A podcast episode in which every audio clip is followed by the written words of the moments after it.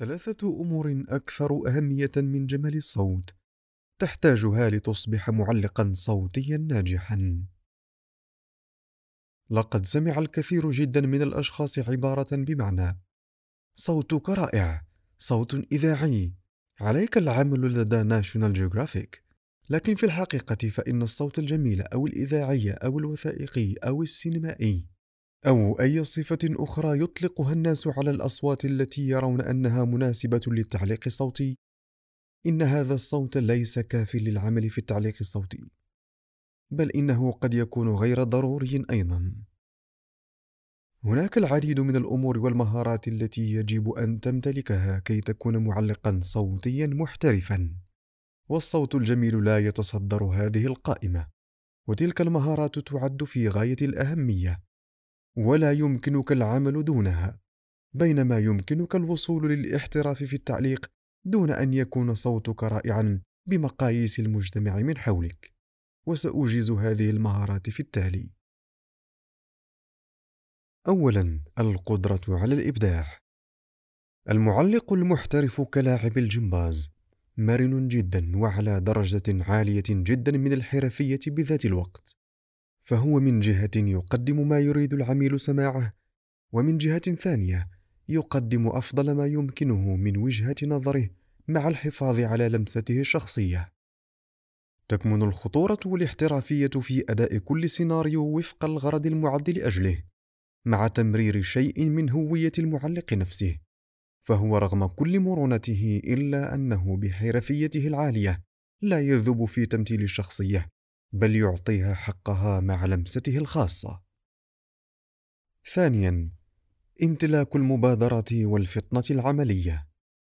المعلق الصوتي هو رائد أعمال من الدرجة الممتازة فهو يحقق كل صفات رائد الأعمال المتمثلة بأنه شخص ينظم ويدير أي مؤسسة بما فيها الأعمال التجارية بدرجة عالية من المغامرة.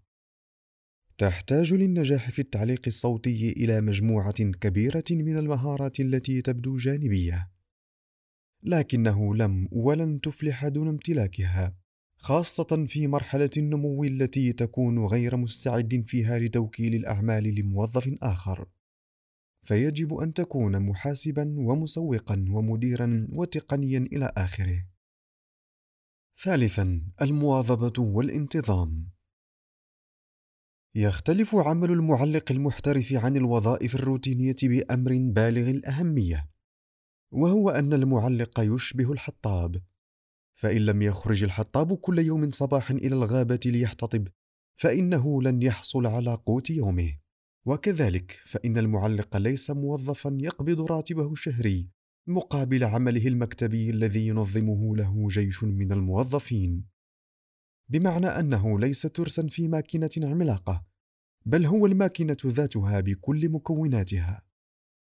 فعليه البحث يوميا عن عملاء جدد وعليه المحافظة على مستواه ورفعه باستمرار بالتدريب المتواصل وعليه متابعة صفحات التواصل الاجتماعي والمحافظة على هويته البصرية براقة. وكذلك التعامل مع العملاء والتفاوض معهم. في النهاية يمكنه البدء بالتسجيل. ومع ذلك فلن ينتهي الأمر هنا. فما زال لديه الكثير من الهندسة الصوتية والترتيبات التقنية. أرجو أن لا يكون هذا الكلام محبطا للمقبلين على العمل في التعليق الصوتي. فهذه الحقائق مهمة. والخبر السار بعد كل ما سبق أنه ليس من المهم أن يكون صوتك رائعا. حتى تستطيع العمل في التعليق الصوتي. بل نؤكد على أهمية التدريب الجيد. وللعلم فإن منصة ساوند ديلز تمتلك قسما للتدريب عن بعد يدرب فيه نخبة من أمهر المدربين. وما عليك سوى البدء مع أحدهم. ومن ثم ستكون عملية التدريب شيئا روتينيا بالنسبة لك وقد تنجزه بشكل ذاتي. كان معكم محمد من المغرب.